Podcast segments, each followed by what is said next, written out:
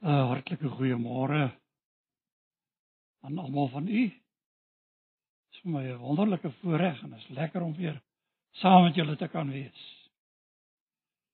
Ek het vanmôre iets wat ek baie graag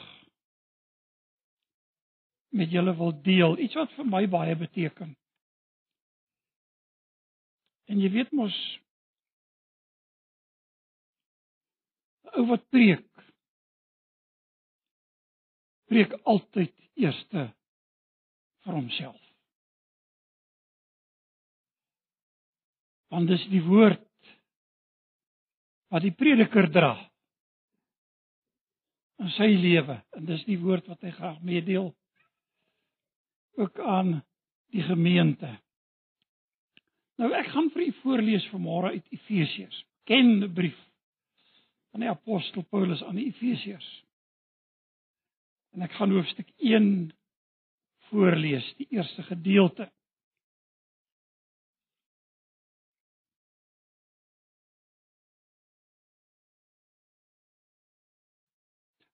Kom ons buig ons hoofde in gebed.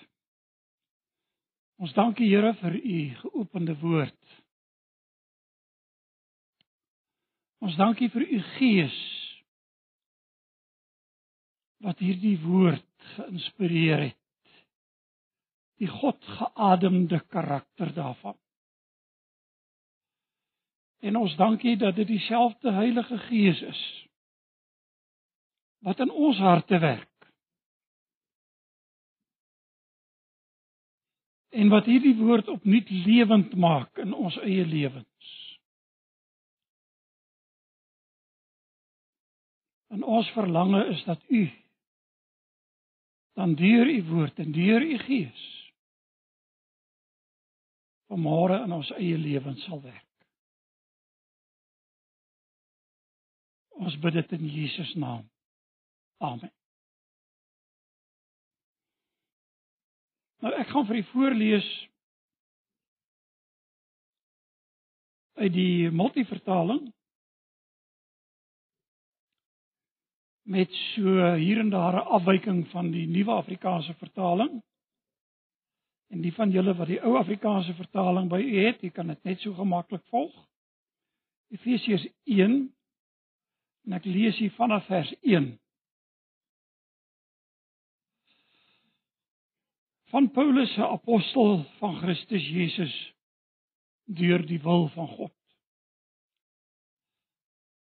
Aan almal in Efese wat aan God behoort. 'n Vertaling lees wat geheilig is, wat aan God behoort en in Christus Jesus glo. Genade en vrede vir julle van God ons Vader en die Here Jesus Christus. Aan God die Vader van ons Here Jesus Christus kom al die lof toe. Hy het ons geseën met al die seënings van die Gees wat daar in die hemel is. So het hy nog voordat die wêreld geskep is ons in Christus uitverkies om heilig en onberispelik voor hom te wees. In liefde het hy ons volgens sy genadige beskikking toe ook al daarvoor bestem om deur Jesus Christus sy kinders te wees. Daarom moet ons God prys vir sy wonderlike genade wat hy in die geliefde vrylik aan ons geskenk het. Deur die bloed van sy seun is ons verlos. En het ons die verlossing, die vergifnis van ons oortredinge kragtens die ryke genade van God wat hy oorvloedig aan ons geskenk het. En in al sy wysheid en insig het hy kragtens sy besluit en voorneme die geheimenis van sy wil bekend gemaak. En dit deur Christus tot uitvoer gebring op die wat hy daarvoor bepaal het. Sy bedoeling was om alles wat in die hemel en alles wat op die aarde is onder een hoof te verenig, naamlik onder Christus. Deur hom, deur Christus in hom het ons ook 'n erfenis verkry. Soos soos hy dit vooruit al bestem het. So het hy hom dit voorgenem. Hy wat alles laat gebeur volgens die raads sy raadsbesluit. Daarom moet ons die eerstes wat ons hoop op Christus gestel het, die grootheid van God prys. Deur Christus het ook julle deel geword van die volk van God. Ook julle is in Christus opgeneem toe julle die waarheid wat aan julle verkondig is, die evangelie van julle verlossing gehoor en op, tot geloof gekom het. In Christus het die Heilige Gees wat deur God beloof is, julle as eiendom van God beseël. Die Heilige Gees is die waarborg dat ons ook verder sal ontvang wat God beloof het wanneer hy almal wat aan hom behoort volkome sal verlos. Daarom moet ons sy grootheid prys. Nou ek weet nie van julle mense nie.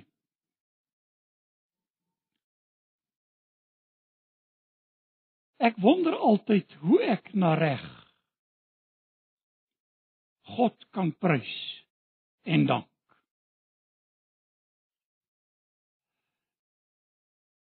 Ek het so geluister na die sang en die voorsangers en nogal teruggedink aan dis nou 'n hele klompie jare terug.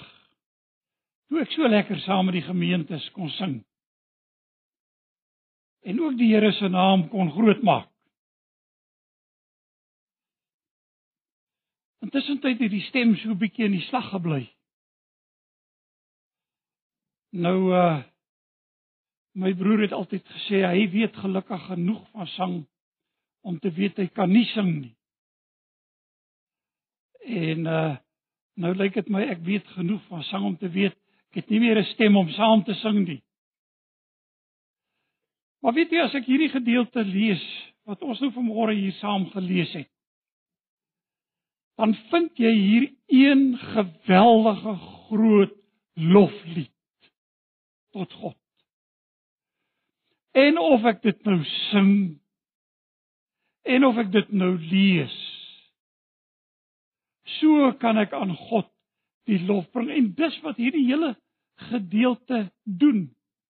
Die apostel Paulus kom en hy stel homself bekend en hy sê wie sy lesers is. Hy sê hulle is die wat aan God behoort. aan wat in sy naam glo. Hierdie glo kom weer verder aan in hierdie gedeelte ter sprake. Aan hulle wat in sy naam glo. En dan breek hy uit in hierdie loflied na sy seun groet. En weet jy, ek onthou hierdie eerste gedeelte, een van ons dosente in die Nuwe Testament het ons nou nogal verplig om hierdie hierdie deel uit die kop uit te leer. En interessant genoeg, die goed wat jy so in jou jong dae geleer het, onthou jy? En natuurlik het ek dit uit die ou vertaling geleer. En kan ek dit vandag nou nog uit my kop uit opsê?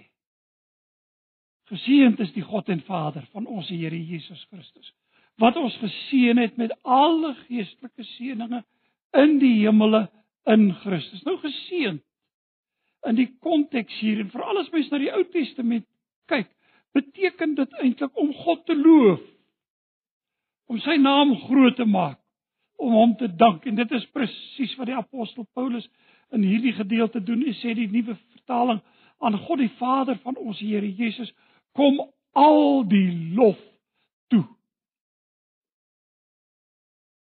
En dan verskaf hy verder aan in hierdie gedeelte die redes waarom die lof God toe kom, Want sê die ou vertaling, hy het ons geseën met alle geestelike seënings in die hemele in Christus. Met ander woorde, God het sy ryke seën oor ons uitgestort. Nou weet jy, ek ek dink baie daaroor. Dan ek het lank terug by geleentheid nogal oor die priesterlike seën groet hier gepreek. By Antipas. Hou dit nog. En dis vreeslik interessant hoe ons die woordjie seën baie keer koppel. Dit gaan goed met my gesondheid. Nou dis altyd iets om voor dankbaar te wees, nie waar nie?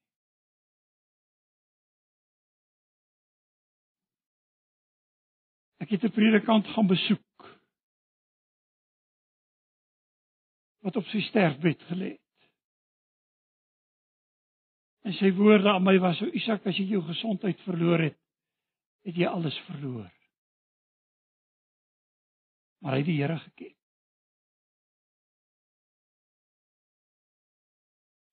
En ons koppel seëninge baie keer aan aardse voorspoed. Al baie keer gehoor as 'n ou sê vir alles wat nou 'n Christen is en dit gaan goed in die besigheid, dan sê hy ek is geseënd. Nou dis sekerlik reg om die Here dankie te sê vir alles wat ons uit sy hand ontvang. En dis vir my 'n wonderlike voorreg en bykans elke aand gaan ek en ek sê vir die Here dankie vir 'n dak oor my kop.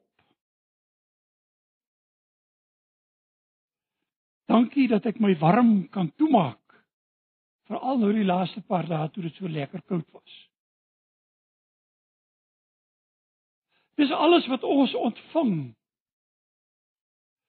Maar weet jy wat? Daar's mense wat dit nie het nie wat nog steeds geseënd is.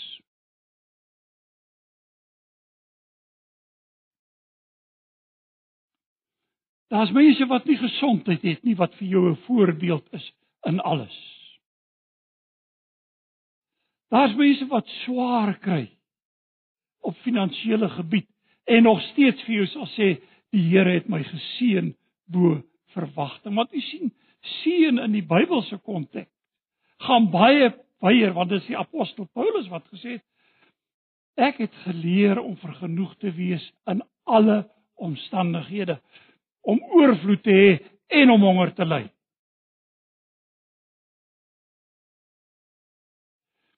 Nou in hierdie gedeelte wat ons saam gelees het, tref ons die wonder van die drie enige God se genade aan in sy heilswerk wat hy vir ons bewerkstellig het.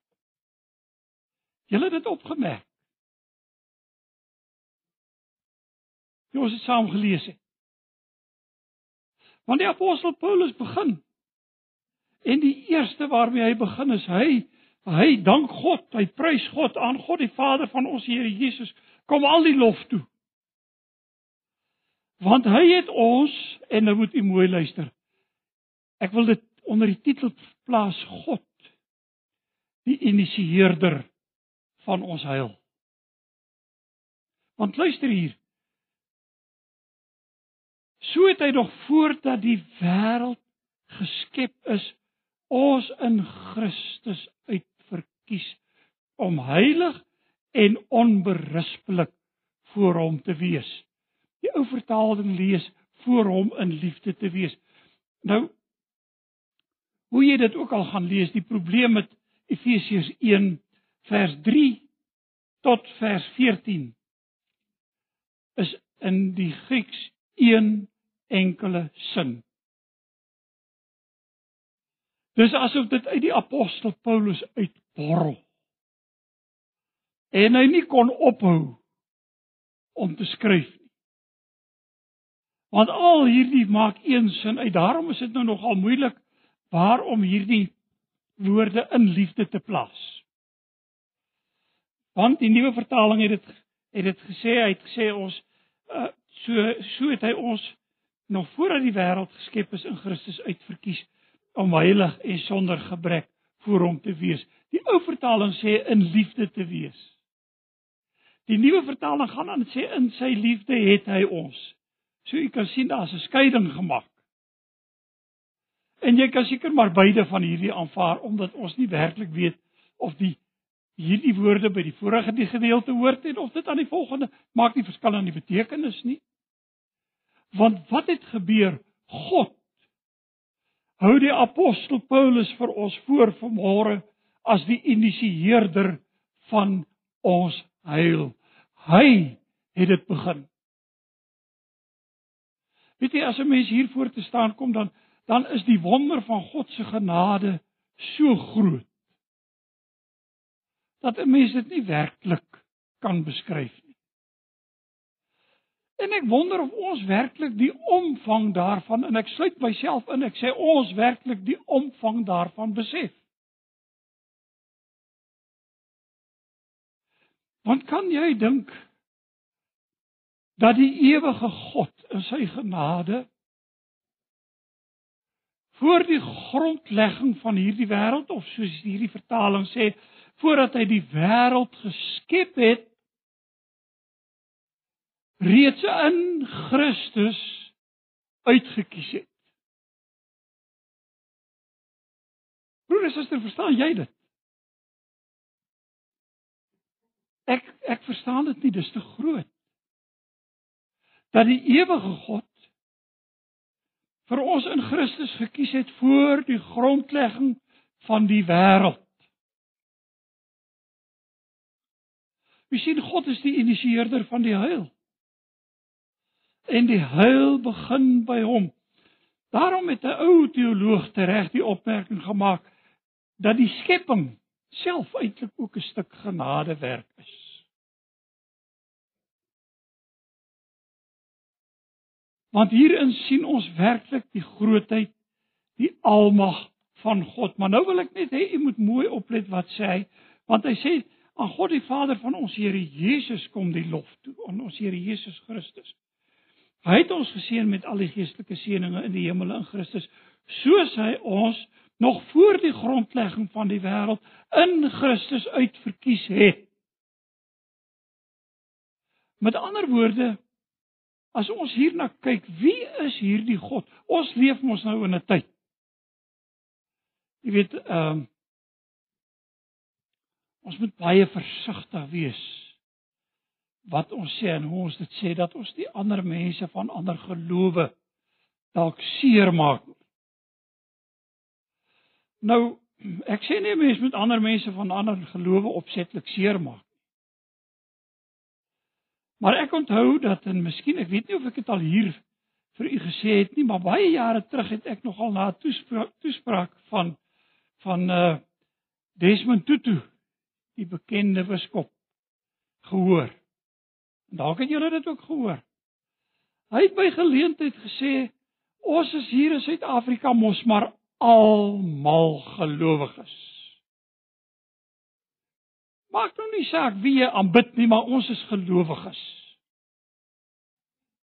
Want ons kom ons nou maar uiteindelik almal by dieselfde God uit. Is die woorde wat hy gebruik het. En hy het nogal daarby gevoeg. After all, en ek haal hom aan God is not a Christian. Hierop sou ek wou reageer. Ten minste is hy die God en Vader van ons Here Jesus Christus. Want dis wat die Bybel my leer. En die Bybel noem hom by die naam, met ander woorde, daar's net een God en Vader. En ek het baie keer, weet jy, doen ek dit in my gebede, baie keer dan bid ek. En dan spreek ek hom aan, die God en Vader van ons Here Jesus Christus, die God van Abraham, Isak en Jakob, die God van die Ou Testament, die God van die Nuwe Testament, die God van die Bybel, hy wat homself uit die bladsye van hierdie Bybel en wat homself in die geskiedenis geopenbaar het, bekend gemaak het sodat ons hom kan ken. Hy wat in sy genade ons uitgekies het voor die grondlegging van die wêreld om heilig met ander woorde afgesonder om heilig en sonder gebrek voor hom in liefde te wees.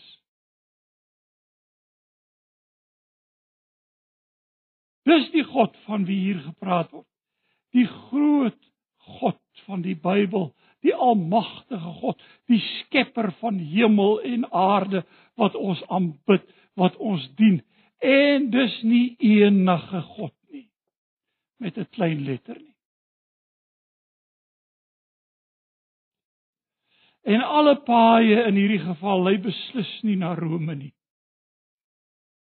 Want daar's net een weg. Daar's net een God en die Bybel, die apostel Paulus kom en hy stel hom voor. Hy sê aan hierdie God en Vader van ons Here Jesus kom al die lof toe. Want hy het ons voor die grondlegging van die wêreld uitgekies. En weet jy, hierdie is eintlik in 'n mate 'n teruggrype ook na die Ou Testament. En almal van ons verstaan die skepping. God het geskape. Mense het in sonde geval. En uiteindelik uiteindelik en ek laat nou dele uit roep hy vir Abraham. Uit die heidendom, hy roep hom. En hy sê Abraham sal 'n lig vir die nasies wees. Aan hom sal al die geslagte van die aarde geseën wees. So God maak 'n verbond met Abraham. En daardie verbond raak vir jou en vir my vandag in die sin dat hulle wat uit die geloof is, hulle wat aan Jesus behoort, hulle is kinders van Abraham en volgens die belofte erfgename gaan lees maar Galasiërs. So dis die God van die Bybel wat ons gekies het, wat sy volk gekies het. En weet jy die interessantheid, dis vir my so 'n mooi gedeelte. God het die inisiatief geneem. Julle het dit al ooit agtergekom en daaroor gedink. Ag, julle het baie. Die inisiatief gaan van God af uit. Hy's die een wat eerste beweeg het. Hy's die een wat in liefde hom ontferming ontferm het. Weet jy wat sê Deuteronomium en ek lees dit vir julle voor.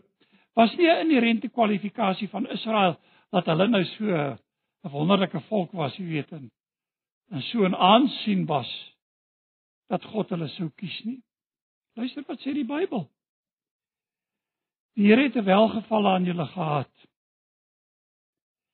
En julle ver, en julle uitverkies Nie omdat julle meer was as die ander volke nie. Want julle was die geringste van al die volke. Maar omdat die Here julle liefgehad het. En hier sien ek die wonder en die grootheid en die heerlikheid van God se genade wat ons nooit kan pyl nie. Die apostel Paulus het nogal hierby aangesluit in in in 1 Korintiërs. En ek het al baie gewonder of Paulus nie daar uh die baptiste in gedagte gehad het nie, want hy sê let op julle roeping broeders, julle is nie baie magtiges nie, nie baie edeles nie, nie baie wyses nie. Maar God wat God uitverkies het gaan lees gerus maar 1 Korintiërs en miskien moet ek dit tog vir julle lees. As ek vinnig genoeg kan kan in die hande kry 1 Korintiërs 1 vers 26, ek wil dit lees. Dis vir my so mooi. Dink maar net broers aan wat julle was toe julle geroep is. Volgens die opvatting van mense was daar nie baie geleerdes of baie invloedrykes of baie mense van aansien onder julle nie. En tog wat vir die wêreld onsin is, het God uitgekies. Die ou vertaling sê dwaas om die geleerdes te beskaam. Wat vir die wêreld swak is, het God uitgekies om die sterkes te beskaam. En wat vir die wêreld sonder aansien of betekenis is, ja wat niks is nie, het God uitgekies om wat iets is tot nut te maak. Vir God het geen mens dus iets om te roem nie. Om op te roem nie. Dit kan nie spog nie. Kan net ons hande uitstrek, uitstrek. Sê dankie, Here.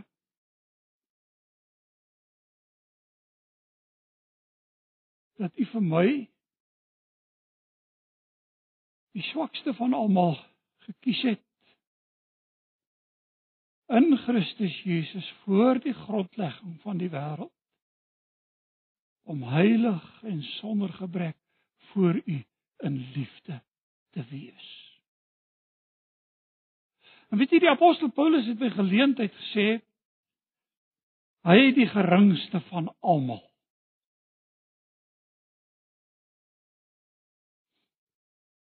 Daar baie dae gedink, net onthou Paulus het geskryf voor hy van Isak van der Walt geweet het. Anders sou hy dalk gesê het behalwe vir daai ou. Want dis die grootheid van God se genade wat maak dat ek en jy vanmôre hier is hy het ons uitverkies voor die grondlegging van die wêreld om heilig en sonder gebrek voor hom in liefde te wees. Hy het ons voorbeskik. Luister na die woorde wat hy gebruik om ons as sy kinders aan te neem, sy eiendom te maak. Nou hierdie aanneming tot kinders, letterlik staan daar seuns, hierdie aanneming tot kinders. Is nogal 'n baie bekende term in hierdie tyd gewees waarin 'n aannemingsproses so wettig en geldig was dat daardie kind die eie kind word van die ouers. Hy het ons as sy kinders aangeneem. Miskien moet ek tog hierdie getuienis vir julle gee baie jare terug. Toe ek uh toe word ek siek. En op daardie stadium nogal gedink dit is redelik ernstig en dit was ook ernstig. Ek praat nou van so 30 jaar terug.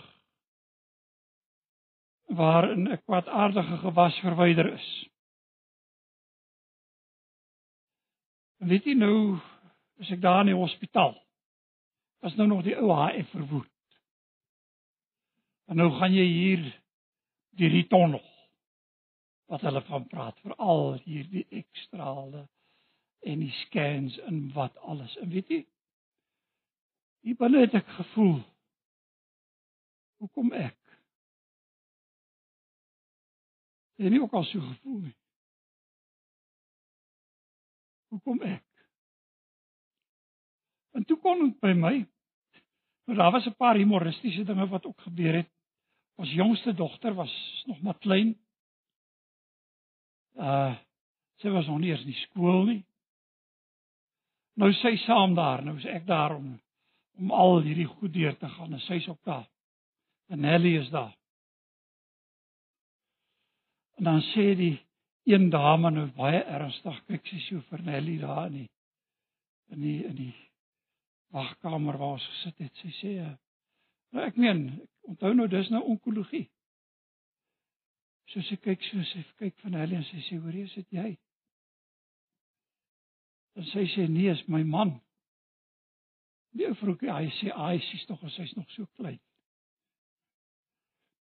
Uh hoekom ek? En weet jy toe kom dit by my terwyl ek daar lê. My kinders wil ek graag net die beste gee. Dis mos waar van almal van ons. Ons wil graag vir hulle net die beste gee. En ek het 'n hemelse Vader wat my aangeneem het as sy kind. En ten spyte van die omstandighede waarin ek was op daardie stadium, het ek begin dankie sê. Ek het dankie gesê vir moderne teologie wat seker nou al weer verouderd is. Vir mense wat die Here kan gebruik, al glo hulle dalk nie eers in hom nie. En weet jy skielik was dit asof my perspektief verander. Want ek het 'n Vader wat in die hemel is. Hy het in Christus Jesus vir jou en vir my sy kinders gemaak, sy eiendom. Ons behoort aan hom. Skragte sy bedoeling, kragte sy besluit. Ek kan maar hierdie tekste gaan lees. Ek kan nou nie by alles stil staan nie want dan gaan ons regtig nie klaar kry vandag nie. Maar daarin sien ek net die grootheid van God se genade en hierdie hierdie hierdie wonder van kind wees. Want hy het ons sy kinders gemaak. Vooruit bepaal. Vooruit bestem.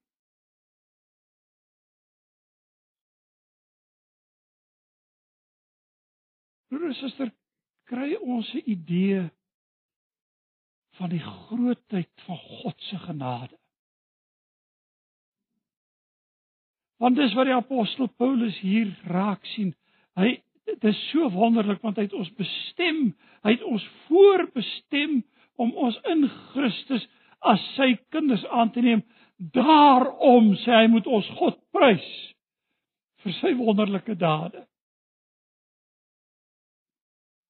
En ag, hoe min loof ons die Here.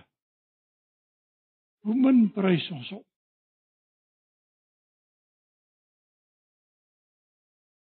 En mag dit wees dat jy en ek opnuut dankbaarheid sal wees. Dis die Vader die initieerder van die heil. Kom ons kyk net vir 'n paar oomblikke na die seun. Nou, ek het nogal geworstel. Ek het aanvanklik uh as middelaar, die seun as middelaar geskryf. Maar ek dink ook mense sou hier kom praat van die seun as bewerker van die heil. Want net daarna in die volgende deel, nadat die apostel gewys het op God die Vader wat ons voor die grondlegging van die wêreld uitgekies het, gaan hy aan hier van vers 7. Wil julle moet saam met my kyk. Deur sy bloed sê die nuwe vertaling. Deur die bloed van sy seun is ons verlos. En is ons oortredinge vergewe. Ek wil ek wil graag hieroor iets sê. Ek dink dit is belangrik om net vir 'n oomblik hierby stil te staan want hier word die werk van die Here Jesus vir ons uitgebeeld. Deur sy bloed het daar vir ons verlossing gekom. Met ander woorde wat die apostel Paulus wil sê, ons is losgekoop van die mag van sonde. Net soos wat in dieselfde woorde wat gebruik word, Israel uit Egipte land uit die slawehuis uitgeneem het, hulle verlos het uit die slawehuis, so het hy vir jou en my verlos. En hoe het hy dit gedoen? Deur die bloed van sy seun. Ons het vandag sulke pragtige liedere gesing vanoggend hier wat daarop dui op die wonder van die redding in Christus wat sy bloed vir ons gestort het. Dit wys op sy offer. Hy het sy lewe gebring, gegee as 'n offer vir jou en vir my sonde en ons het die woorde daar gesing onder die skare. Hoor ek tot my eie skande, my eie stem wat sê kruisig hom.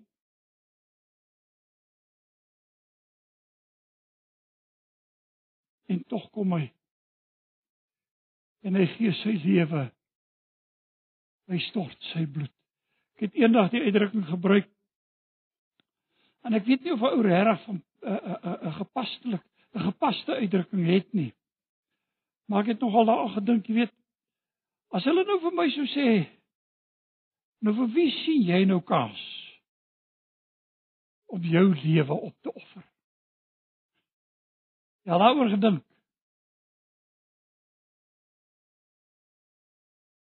Julle onthou mos so 'n klomp jare terug, die jonges sal dit seker nou nie meer weet nie, maar was daar mos so 'n uh, 'n uh, uh, sluipmoordaanval op Ronald Reagan gewees, die destydse president van die FSA, en iemand het voor hom ingespring. Hou julle daarvan? Ek het nou nogal gedink, wat sou ek nou gedoen het as ek nou Ronald Reagan se leiwag was? Ek dink ek sou plat geval het en gesê, "Duik kerels." Maar jou eie lewe gee?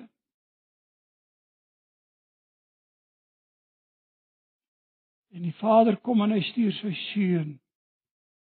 En die Here Jesus kom en hy bewerk verlossing deur sy bloed om vir ons vergifnis daar te stel, om vir ons te reinig van alle sonde. Deur sy bloed het hy ons verlos. en ons vergifnis van ons oortredinge geskenk. Dit al baie keer ek weet ek het daar in in in Rietfontein gemeente dit genoem en nou of ek dit nou hier genoem het kan ek nou nie onthou nie. Maar ek het verwys na so 'n ou kindergebedjie wat agter my kleinseun se deur was. Met die woorde daarop en Jesus as u my kom haal dan weet ek u het my skuld betaal. Want hy het my losgekoop vrygekoop van die mag van sonde hy skenk aan jou en aan my die vergifnis van al ons sonde en my broer en suster ons ken onsself Ons weet hoe doemwaardig lyk ons lewe. Ons weet hoe swak ons is. Ons weet hoe maklik ons struikel.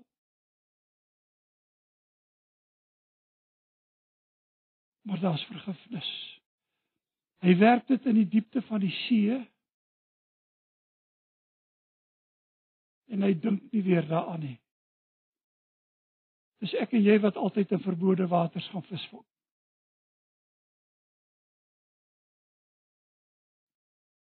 want hy skenk ons volkome vergifnis. Ja, daar's 'n ou lied wat daarna verwys, baie bekende ou lied. Wat as u o Heer die sonde na reg wou gadeslaan. Wie sou een enkele stonde voor U o Heer bestaan. Maar nee, daar is vergifnis altyd by U gewees. Daarom word U met bewering reg kinderlik verg uh, reg kinderlik gevrees. Loof die Here vir sy redding, vir sy verzoening vir hierdie geheimenis waarvan hy praat in hierdie gedeelte wat hy bekend gemaak het en die apostel Paulus is baie lief vir die woord geheimenis of verborgenheid lees die ou vertaling. En as hy praat van hierdie verborgenheid dan gaan dit altyd oor die heil van God wat bekend geword het in Jesus Christus. En ook in hierdie konteks hy het hierdie verborgenheid aan ons bekend gemaak.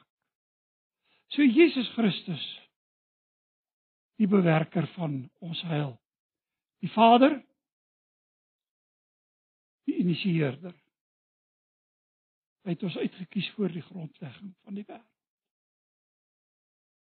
Jesus Christus die bewerker van ons heil of die middelaar. Hy het vergifnis vir ons sonde gebring. En nou kan ons sê haleluja. Prys die Here. Nie waar nie? Maar asof die apostel asof dit nie genoeg is vir die apostel Paulus nie, gaan hy nog verder. En betrek hy ook die Heilige Gees in hierdie heilsplan van God. Wil net hê julle moet saam met my kyk. Hier van vers 13 en 14. Ek laat nou dele uit lees vir julle vers 13 en 14. Luister na die treffende woorde. Deur Christus of in Christus sê die ou vertaling. Nou hier lees hy het julle deel geword van die volk van God. Dit staan nie in die handskrifte nie. Dis maar so 'n stukkie interpretasie van die Bybelvertalers. Nou ek het nie kritiek op die interpretasie nie want die ou vertaling praat van erfenis wat ons ontvang het. En so word daar heel dikwels na die volk van God verwys. Maar hy sê in Christus het julle ook deel geword of ook julle is in Christus opgeneem toe julle die waarheid wat aan julle verkondig is, die evangelie van julle verlossing gehoor. Hier kom hy weer. Reg aan die begin het ek dit gesê gaan weer voorkom. Toe en tot geloof gekom het. Ai. Wonderlik is dit dat die Bybel sê uit genade is jy gered. Deur die geloof en dit nie uit jouself nie. Dit is die gawe van God.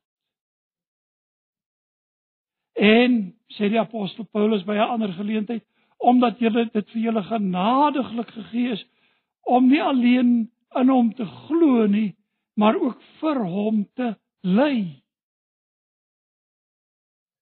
En nou kom hy ons sê die geloof ontvang hy sê deur die geloof 'n gawe van God. Geloof is nie 'n skakelaartjie wat ek en jy afskakel nie en aanskakel nie. Gawe van God en dan gaan hy aan toe julle tot geloof gekom het. Is julle verseël met die Heilige Gees van die belofte.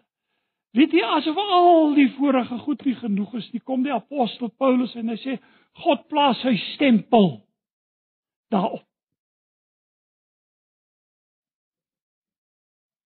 Hy verseël ons met die Heilige Gees van die belofte. Dis die stempel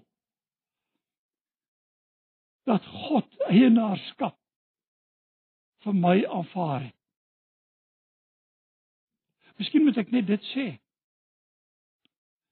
Matteus 28 almal ken daardie gedeelte wat sê gaan heen maak disippels van al die nasies doop hulle in die naam van die Vader, die Seun en die Heilige Gees. Wat beteken dit? Die naam van die drie-enige God word oor ons uitgeroep. Daardeur beteken dit ons word verseël as sy eiendom. Nou sê ek nie die doop hier is die seël nie. Die Heilige Gees is die seël, dis baie duidelik. Natuurlik het die doop 'n belangrike plek wat dit inneem. Maar dis nie nou hier ter sake nie. Hy sê ons is verseël met die Heilige Gees wat God beloof het. Ek ek ek staan verstom dat God in sy genade die Vader die initieerder is van die heil, die Seun die bewerker van die heil, die Heilige Gees die waarborg Want luister wat sê hierdie versie verder vers 14. Die Heilige Gees is die onderpand, die waarborg dat ons ook verder sal ontvang wat God beloof het. Letterlik beteken dit in daardie tyd is 'n deposito. En wat sê daardie deposito? Dat God die Heilige Gees gegee het as waarborg, as onderpand dat sy verlossing volkome eendag sal wees wanneer ons voor God en voor die troon van die Lam sal staan.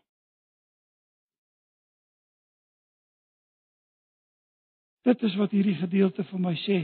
Met ander woorde, dis asof asof dit nie vir die apostel Paulus hier genoeg was om onder leiding van die Heilige Gees net te verwys na die Vader en die Seun nie, maar hy wil vir ons verseker van die veiligheid, van die sekerheid van ons redding, ons het die Heilige Gees as seël ontvang en hy's die waarborg, hy's die onderpand dat ons die volle heil eendag deelagtig sal word. Ja, nou leef ek nog in die gebrokenheid van hierdie wêreld. Ons word nog siek. En of ons dit nou wil weet of nie, ons word ook ouer. En die jong mense sal nou nie 'n idee waarvan ek praat nie. Want as jy jonk is, lê die hele lewe voor jou oop. Miljoene jare. En as jy kom waar baie van ons wat ook hier sit nou trek. dan besef jy dit was 'n oogwink. En ek het nou die dag vir iemand gesê dit lyk my die afdraande pad ondertoe is baie styl af. gaan maar moeilik om rem te trap. Ja, ons leef nog in die gebrokenheid van hierdie liggaam. Maar sê die apostel Paulus nogtans word ons innerlik dag na dag vernuwe want ons het die waarborg dat ons God se volle heil deelagtig sal wees die dag wanneer Jesus weer kom. En ag is dit nie 'n vooruitsig nie. Ek het al baie keer gesê, weet jy ek 'n kind was, het ek altyd gehoop as 'n predikant nou oor die wederkoms spreek. Sit ek en dink ek as die Here net so bietjie sal wag, ek wil hom graag groot word. En toe ek nou groter is, en so 'n jong kerel toe sê ek ag, as hy net nog so bietjie sal wag, wil hom graag 'n bietjie in die bediening nog staan en ek wil daarom nog vreeslik graag in die huwelik tree en graag 'n ou gesinnetjie hê en so aan. En toe die jare vinnig gekom, vinnig gegaan.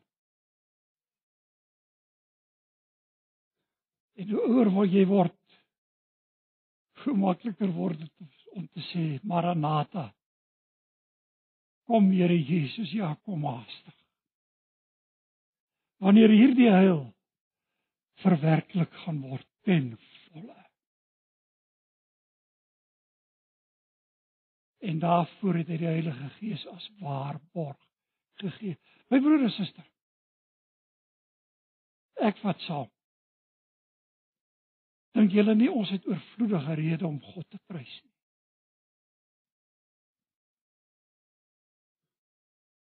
Wat hy gedoen het is so groot.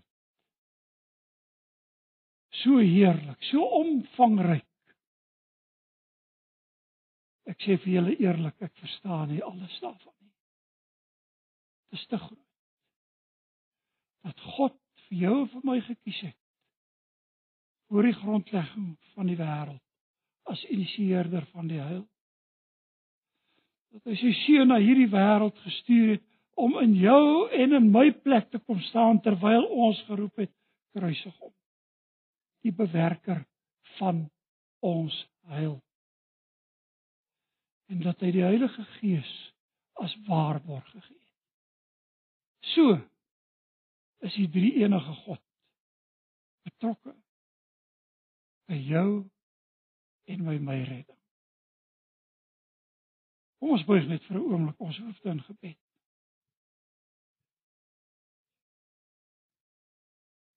Here, ons weet nie na reg hoe om U te loof en te prys nie.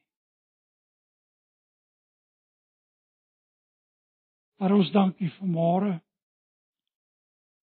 dat ons kinders van God genoem kan word. Dat God in sy genade vir ons gekies het voor die grondlegging van die wêreld.